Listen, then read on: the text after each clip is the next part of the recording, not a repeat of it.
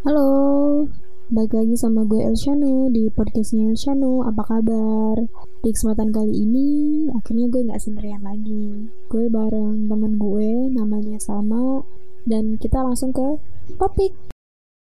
Eh, lu gimana yang kemarin belajar apa sih? Belajar apa namanya? Apa Yang, Bu illustration? ya itu gimana? So far sih seru. Terus eh, apa ya? Mentornya jadi kayak akrab gitu sama gue. jadi kalau ngomongin bukan di luar pelajaran lagi, udah ngomongin kucing. Cewek cowok ngomongin sih? Cewek. Kayaknya Orang seumuran gue. Bandung gitu. Yang ikut banyak. Banyak di kelas yang itu doang 200 orang. Kelas lain mah bisa sampai ribuan. Cuman gua lagi nggak pengen ikutan kelas lain. Kelas lain mah ngoding gua nggak kuat laptopnya. Emang laptop lu kenapa? Gua kan semenjak udah nggak gawe nggak pakai laptop kantor. Jadi pakai laptop lama gitu loh. Nggak, bu, yang dari kantor itu lu udah lo, eh maksudnya udah lo kasihin? Udah dari dari hari H gua dikeluarin udah langsung diminta. Kalau masih ada data gua itu. Kalau belajar illustration kan, itu Hmm. yang dibutuhin apa aja sih? Kalau dia sih eh apa sih namanya? Aplikasinya dia pakainya yang online. Soalnya kan kayak Figma, terus Invention App, pokoknya tuh yang bisa dibuka di browser karena biar banyak dulu peminatnya gitu loh. Soalnya kalau harusnya mah kan pakai Adobe Illustration gitu ya, atau Ah, Adobe, iya. Adobe X- iya atau enggak Adobe XD. Nah, cuman Ha-ha. kan Adobe Adobe gitu kan biasanya berat kan. Iya, Nah, banget. kebanyakan tuh orang nggak pada mau ikut. Ih, saya mah laptopnya atau netbooknya RAM-nya kecil kak, nggak bisa nginstal kayak gitu. Jadinya nggak jadi ikutan. Nah, makanya dia tuh biar narik pengu- peminat dulu, dia pakai yang online, Figma, Invention App, yang gitu-gitu. Jadi kan nggak ngaruh, nggak terlalu berat ke laptop gitu. Oh, terus kalau lu apa sih namanya? Kalau yang illustration itu kayak ngegambar dulu di apa sih yang kotak itu yang ada pennya apa namanya?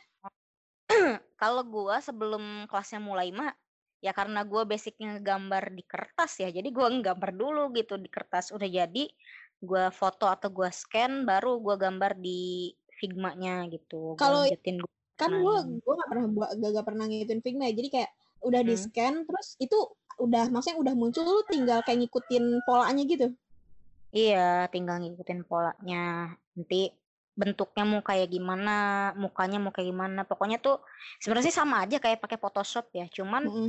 Kayak ada fitur pen yang lebih mempermudah untuk gambar gitu di Figma kayak gitu tuh. berarti sebenarnya itu mah apa sih namanya emang harus basicnya aja gak gambar kalau yang gua nggak bisa gambar gue kan bisa gambarnya cuman hewan doang Eh, kalau yang gue jalan pas sebelum kelas mulai mah ya harus bisa gambar. Cuman kalau yang di kelas itu mah jadi namanya disebutin nggak ya? Pokoknya si kakak itu aja. Si kakak itu tuh ngejelasinnya itu dengan cara siapa pun yang nggak bisa gambar bisa gambar gitu. Jadi kayak dia- diajarin dulu cara bikin muka itu kayak gimana, cara bikin hidung kayak gimana, cara bikin mata kayak gimana gitu. Enggak dibebasin, lu terserah mau kayak gimana gitu. Jadi eh, dia tuh ngasih ajaran dasarnya dulu yang sampai orang yang nggak bisa gambar pun bisa gitu. Berarti kalau kalau misalnya di kerjaan gitu dia sebagai desainer dong Setahu gue dia tuh sebenarnya bukan lulusan IT malah jurusan apa ya? Industri apalah pokoknya tuh. Iya maksudnya kalau di startup gitu berarti dia juru eh, maksudnya bagian bidangnya desainer gitu, desainer. Iya, desainer bagian ya front end lah, tapi lebih ke arah ilustrasinya gitu. Oh. Kayak kayak misalkan gue tuh kenapa belajar kayak gini? Soalnya waktu gue gawe, gue kerja tuh eh, setiap namanya aplikasi Android ya. Iya. Tuh kayak apalagi gue harus bikin e-commerce gitu. Mm-mm. Nah, itu tuh butuh eh, ilustrasi yang menggambarkan halaman tersebut tuh disuruh ngapain sih. Nah, gue tuh waktu gawe tuh kebingungan nyari ilustrasi yang gitu-gitu tuh. Soalnya, eh apa sih namanya? Yang ilustrasi yang gue pengen tuh jarang ada. Kalaupun ada berbayar gitu. Jadi Mahal nggak sih bayarnya? ya namanya karya ya tergantung orang. Kalau mau ngehargain ya disebutnya di segitu murah. Tapi kalau apa sih namanya? yang nggak mungkin gak paham ya di situ segitu sebutnya mahal. Tapi kalau bagi gua sih yang nggak punya duit mahal gitu. Gua sih kan mental gratisan, jadinya ya pengen yang gratis gitu. Makanya gua tuh nemu kelas itu anjir ini gua waktu itu nyari kenapa gua nggak bikin sendiri daripada harus beli gitu.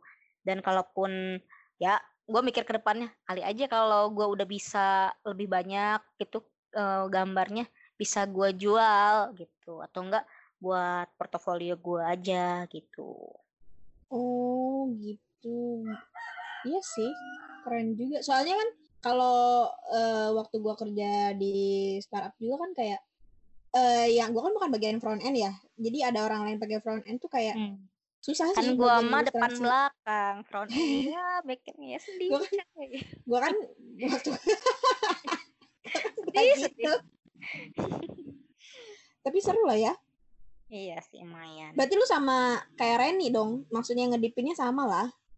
Iya, tapi kalau dia lebih ke apa ya? Gue lihat kan gue nanya karya dia apa aja gue pengen lihat barangkali gue bisa in- inspirasi gitu terus dia kayak ngasih blog dia apa apa gitu dia tuh kayak lebih ke arah ilustrasi pemandangan kayak gitu-gitu tuh kalau gua mah lebih kepada ilustrasi kalau buat dita- ditampilin ke aplikasi gitu Ngerti? Oh, iya iya ngerti-ngerti. ya kan kalau pemandangan gak selalu ada di aplikasi kan Kalau gue pernah nanya ke dia itu, dia itu kan ikutan apa ya program pemerintah bukan program pemerintah gue nggak tahu lupa magang apa kata dia itu iya magang atau apa jadi dia itu pakainya pakai eh, After Effect malah katanya Hmm, ya, mungkin beda ini kali ya, beda peruntukan gitu. Gak tahu Mm-mm. After Effects-nya dia tuh gambar apa gitu. Untuk apakah yang kayak gue lagi jalanin apa enggak. Eh, tapi gue pernah kan saking gue kan lagi ngedalemin podcast sama em, apa sih ngasah di Adobe Audition gue ya jadi Hmm. gue tuh pernah pengen kayak eh, Tumblr yang lu pernah ngasih animasi tapi yang GIF gitu yang jalan-jalan segala Hmm. macem ternyata susah juga Bo bikin kayak gitu Iyalah, gue kira itu gampang susah lah. Apalagi bergerak, bergerak tuh lebih susah lagi tau. iya gue iya maksud gue kira tinggal comot comot comot terus Hmm. Jalanin gitu kan. Gue berekspektasinya kayak gitu ya. Anjir pas gue liat tutorial di YouTube bangke kata gue anjir susah banget. Pusing ya. pusing eh, pusing banget Bo. Gila sih. Aduh ya Allah. Lu nggak ke mana-mana? Di rumah aja? Sejauh ini di rumah aja sih. Paling minggu kemarin abis pulang ke Umi. Habis nginep nyobain buka puasa di situ sama sahur di situ. Sama pengen Oh. lihat rumah soalnya rumah gue lagi di renov rumah keluarga gue. Jadi pengen lihat perkembangan sudah sampai mana renovnya gitu. Oh, kalau gue sih sama aja di rumah aja nggak ngapa-ngapain gue sampai stres kata gue sampai apa gue udah gila ya di rumah aja gue bener-bener nggak ke mana-mana paling keluar ya beli kurma gitu terus nganterin nyokap belanja gitu-gitu doang gue nggak pernah kayak anjir gue gue gue ribu-ribu liburan kesibukan lo apa sekarang Gua eh, karena sekarang puasa ya. Gua pagi eh enggak ya, mulai dari malam. Gua kalau sahur sahur gak masak, masaknya hmm, sebelum Sore. tidur. Enggak, sebelum tidur. oh nggak dari sore aja Kalau sore buka buat buka puasa. oh Jadi misalkan buat sahur nih daripada masaknya subuh-subuh, mending gua masaknya sebelum tidur. Habis itu Jadi pas tinggal sahur dianget ya? tinggal ngangetin. Tapi lu terus- masak apaan aja terus? Selama sama puasa? Sahur ya biasa. Seadanya di kulkas aja dah.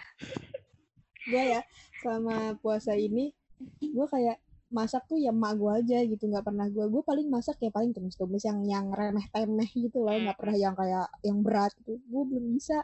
Gue takut ke asin. Enggak sih kalau gue mah ya se sebisa gue aja. Kalau asin ya Azhar tetap makan. Ya iyalah kalau nggak makan aku nggak mau masakin kamu lagi. Terus, gitu sih. habis sahur gue ya gue nonton drakor eh lu lagi nonton drakor apa? Gue lagi itu tuh yang apa The World of Marriage. Couple Lo- apa lu Itu aja. kuat nonton itu? Kuat tapi kesel kayak lagi nonton sinetron Indro anjay.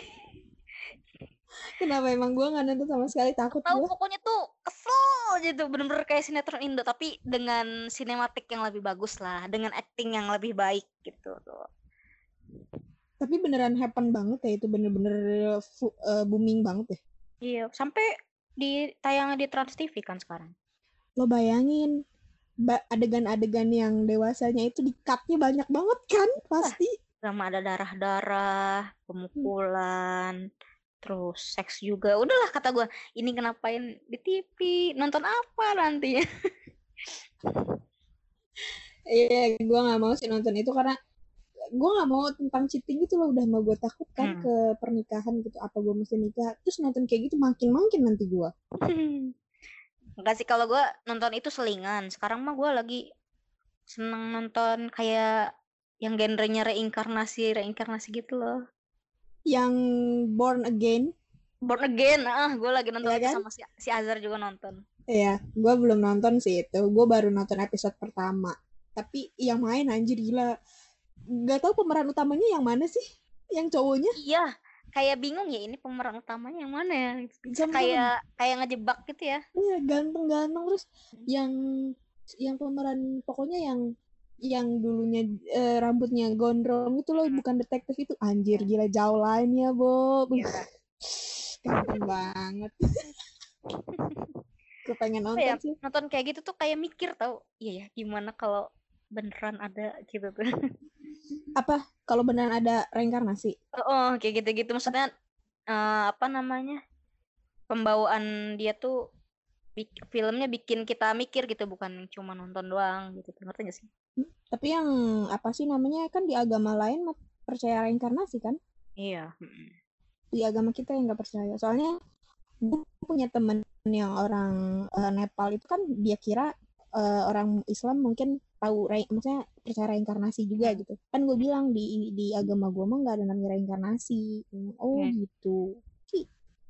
sama gue nonton ini juga nih drakor yang si Lee Min Ho teh yang pangeran King. teh The Iya, The King. King. Ah, kenapa sih? Aneh banget. Eh, yang? Le- yang Lee Min Ho itu booming banget kenapa sih? Apa karena dimainin sama Lee Min Ho?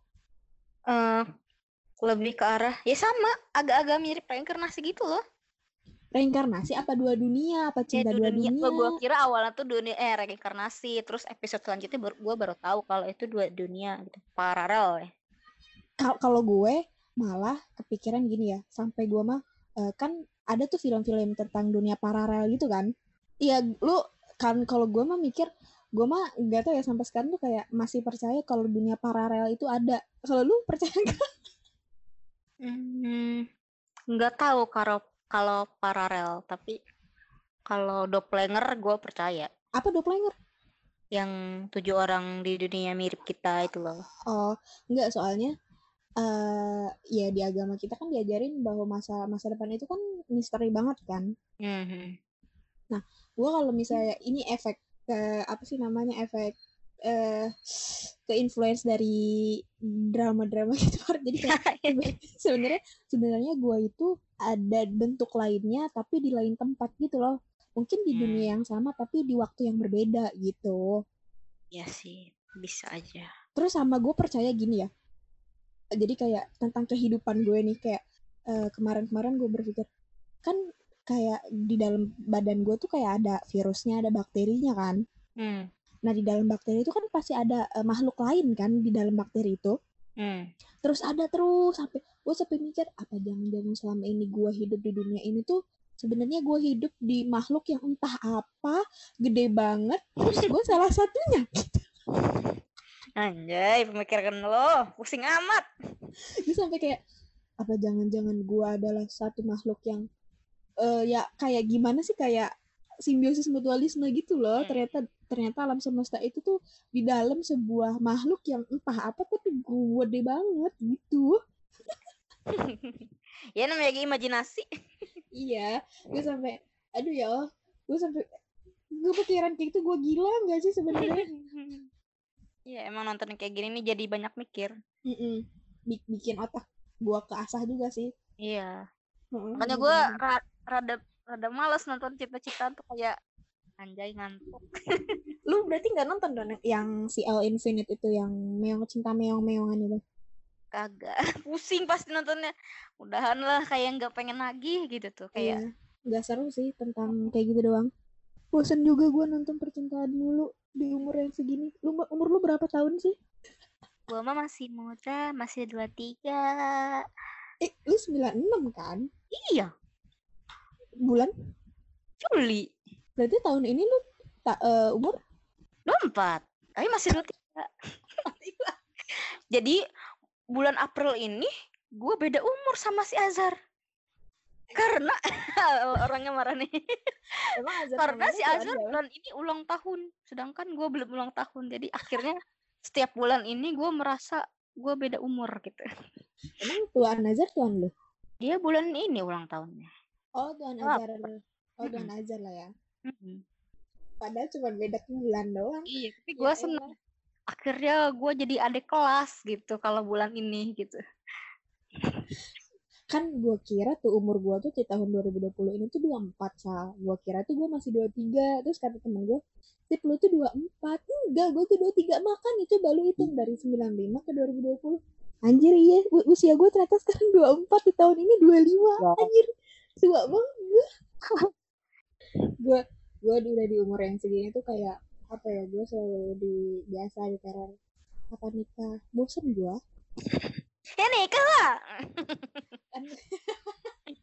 Gak tau ya gue sekarang tuh kalau di umur yang segini kan ka- lu kenal gue udah lama kan ya?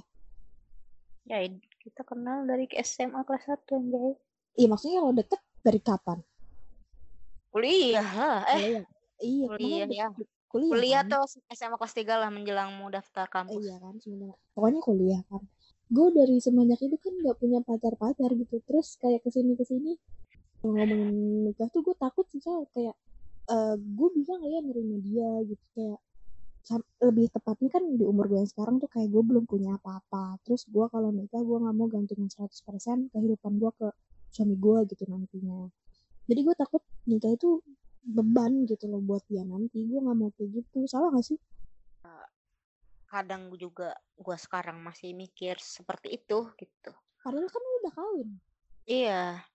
Eh, kadang gue justru yang mi apa kepikir juga apa gara-gara gua nikah eh suami gua jadi gak bisa lanjut S2 gara-gara gua. Padahal dia bisa-bisa aja lanjut S2 cuman dia milih jalur lain gitu untuk lebih fokus cari cari nafkah. Terus misalkan apa jangan-jangan gara-gara gua eh nikah gua jadi biarin karir dia mandek di sini-sini aja nggak bisa keluar negeri atau ke mana gitu kan.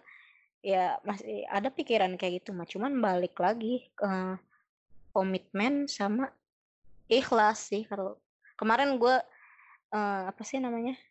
Baca baca snapgram orang ya. Eh, bukan orang saya selebgram gitu. Dia baru nikah lima hari ini gitu lah. Terus ditanya dia nikah lebih muda dari, daripada gue gue nikah dua-dua dia nikah dua satu gitu. Terus dia nanya "Eh, suami lo tuh idaman lo banget bukan sih? Dia bilang ya jujur aja bukan. Tapi satu yang bikin gue bisa sampai titik ini karena gue bisa eh, naro ikhlas di setiap hal apa pun gitu. Ikhlas Oh. nerima kekurangan dia ikhlas nerima keanehan dia ikhlas juga eh apa tuh namanya apa pun yang dia lakuin yang dia gas yang gua nggak suka ya balik lagi ujung-ujungnya ikhlas gitu tuh. Terus juga karena gua sendiri pun nggak sempurna gitu. Eh, dia juga mungkin ke gua sebenarnya ikhlas-ikhlasan juga gitu ngerti nggak? Hmm, Eh, di- mungkin dia juga ke gua bukan yang apa sih namanya uh, sangat nyari kesempurnaan gitu. Ya mungkin dia juga ngelihat kekurangan gue tapi ya dia balik lagi dia balik lagi uh, nerima gue dengan ikhlas. Kenapa gue juga gak nerima dia dengan ikhlas gitu? Kalau gue sih sependapat kayak gitu. Hmm, kalau gue iya sih sebenarnya. Tapi kan naruh ikhlas itu menurut gue pribadi nggak gampang gitu soal apalagi kan gue yang uh, gua, kalau gue mikirnya ketika gue nikah nanti apakah gue masih bisa ngasih uh, sesuatu gitu ke orang tua gue terus apa nanti kalau gue udah nikah gue bisa sebebas itu? Apakah setelah nikah nanti gue maksudnya banyak hal yang gue tanyain tentang nikah itu apa apa apa terlalu hmm. banyak pertanyaan gitu loh di kepala gue gitu. Kalau ngobrolin soal ngobrol-ngobrolin soal ngasih sesuatu ke orang tua itu sih lo harus omongin dari sebelum nikah. Lo setelah nikah masih boleh berkarir apa enggak atau diomongin uh, kalau gue sih dari awal nikah udah ngomong ke, ke suami gue nih ya. Gue tuh pengen berkarir hingga gue punya anak gitu. maksudnya setelah gue punya anak gue nggak bakal berkarir lagi. Jadi sebelum gue punya anak bebasin gue berkarir gitu. Dan dia mau oke oke aja gitu tuh ya. harus ada obrolan sih gitu iya Kalo... maksud gue maksud gue gini ketika uh, gue jadi gue kan orang biasa nggak mungkin dong maksudnya gue nikah sama orang terkaya kayaknya nggak mungkin Sip. gue tahu itu itu hayalan hanya hayalan oke okay kembali ke realita jadi kayak eh uh, gue tuh mikir takut aja sih kayak setelah gue nikah apakah apa gue bener-bener uh, bener-bener 100% apa ya eh uh, 100% nanggu, nanggungin kehidupan gue ke suami gue gue nggak mau gitu gitu loh Sal jadi gue masih punya gue pengen masih punya penghasilan sendiri gitu jadi gue nggak mau ketika gue ini lagi nggak punya apa-apa terus gue langsung nikah gitu gitu sama orang lain kayak Hmm, gue nggak bisa ngebebanin orang, nggak mau gue. Ya, gue paham. Gue juga awalnya kayak gitu, gitu. Cuman kenapa gue waktu itu sempat mantep, bisa anjay mantep. Jadi gue tuh eh, kan ikut apa sih komunitas yang programmer tuh, yang sekarang gue udah keluar. Gue waktu itu lagi on meeting ya apa ya les lah les di pusda sama mentor gue di sana gitu dan kebetulan sekarang mentor gue jadi tetangga gue di sini jadi dia tuh cerita gitu soal kehidupan pernikahan dia gitu dari mulai dia uh, apa sih namanya dia tuh dia kan dosen ya dia tuh dosen terus uh, dia tuh lama-lama lo tau lah dunia dosen kayak gimana kalau di kampus ngerti gak sih? Mm-hmm, iya. Ya kayak gitu. Apalagi birokrasinya yang gitu-gitu dia tuh mm-hmm. Uh, walaupun dia statusnya sebagai dosen dia dia juga muak gitu. Apalagi kita mahasiswa kan gitu. Mm. Nah dia tuh kayak kayaknya gue nggak kuat dia birokrasi perkampusan tuh gitu. Mm. Gue pengen uh, usaha. Nah gitu. Dia akhirnya keluar tuh dari kerjaan dari jadi dosen anjir terus terus abis itu uh, terus terus gimana dong buat hidupin keluarga iya. ya dia mulai usaha internet RT RW gitu. Hmm. terus tiap hari istrinya di omong tetangga suaminya nggak kerja ya? Iya. suaminya nggak kerja ya? kayak gitu. ya padahal dia usaha tanpa orang lain ngelihat dia kerja kantoran gitu tanpa ngelihat dia baju rapi gitu. Padahal dia uh, buka internet RW, RT RW cuman bawa peralatan, bajunya kaos obrong, manjat-manjat kayak gitu. Jadi kelihatannya kayak nggak kerja gitu. Nah, terus uh, dia tuh percaya rezeki mah Allah bakal ngasih lewat cara apa pun gitu. Jadi dia pernah cerita yang bikin gue cukup terenyuh gitu ya. Uh, dia tuh sampai nggak punya uang apa gimana gitu saking nggak punya uangnya. Nah terus tuh dia minta tolong, uh, ya Allah uh, kalau emang saya harus ngutang dan sekalipun hutang itu adalah jalan engkau ngasih saya rezeki, tolong kasih saya hutang gitu, ngerti nggak? Mm-hmm. Walaupun hutang itu kayaknya hal yang jijik deh gitu ngerti gak lo Iya, utang gitu tuh hal yang Allah aja nggak suka gitu tuh ngutang cuman kalau Dia bukan orang yang suka ngutang berarti. ya? iya cuman kalau emang Allah nakdirinnya rezeki dia di saat kelaparan itu lewat hutang kenapa saya harus eh, apa namanya nolak gitu. Nah akhirnya tiba-tiba gimana lah ada yang ngasih dia lagi kebetulan lagi kayak gitu tiba-tiba ada tetangga yang nawarin dia rezeki gitu. Akhirnya dia berhutang lah di situ walaupun akhirnya bulan depan dia bisa bayar gitu. Jadi eh gue bilang eh gue mungkin cukup terenyuh iya ya Allah aja mungkin nggak pernah tahu. Eh Allah aja nggak pernah ngasih tahu aja nggak apa sih Allah aja nggak pernah sungkan gitu. Bahkan lewat jalan utang gitu tuh. Apalagi lewat jalan yang lain yang jalan yang lebih bagus gitu tuh. Ngerti nggak? Mm-mm. ya walaupun kayaknya nggak baik deh hutang itu. Tapi kalau emang rezekinya lewat situ gimana gitu?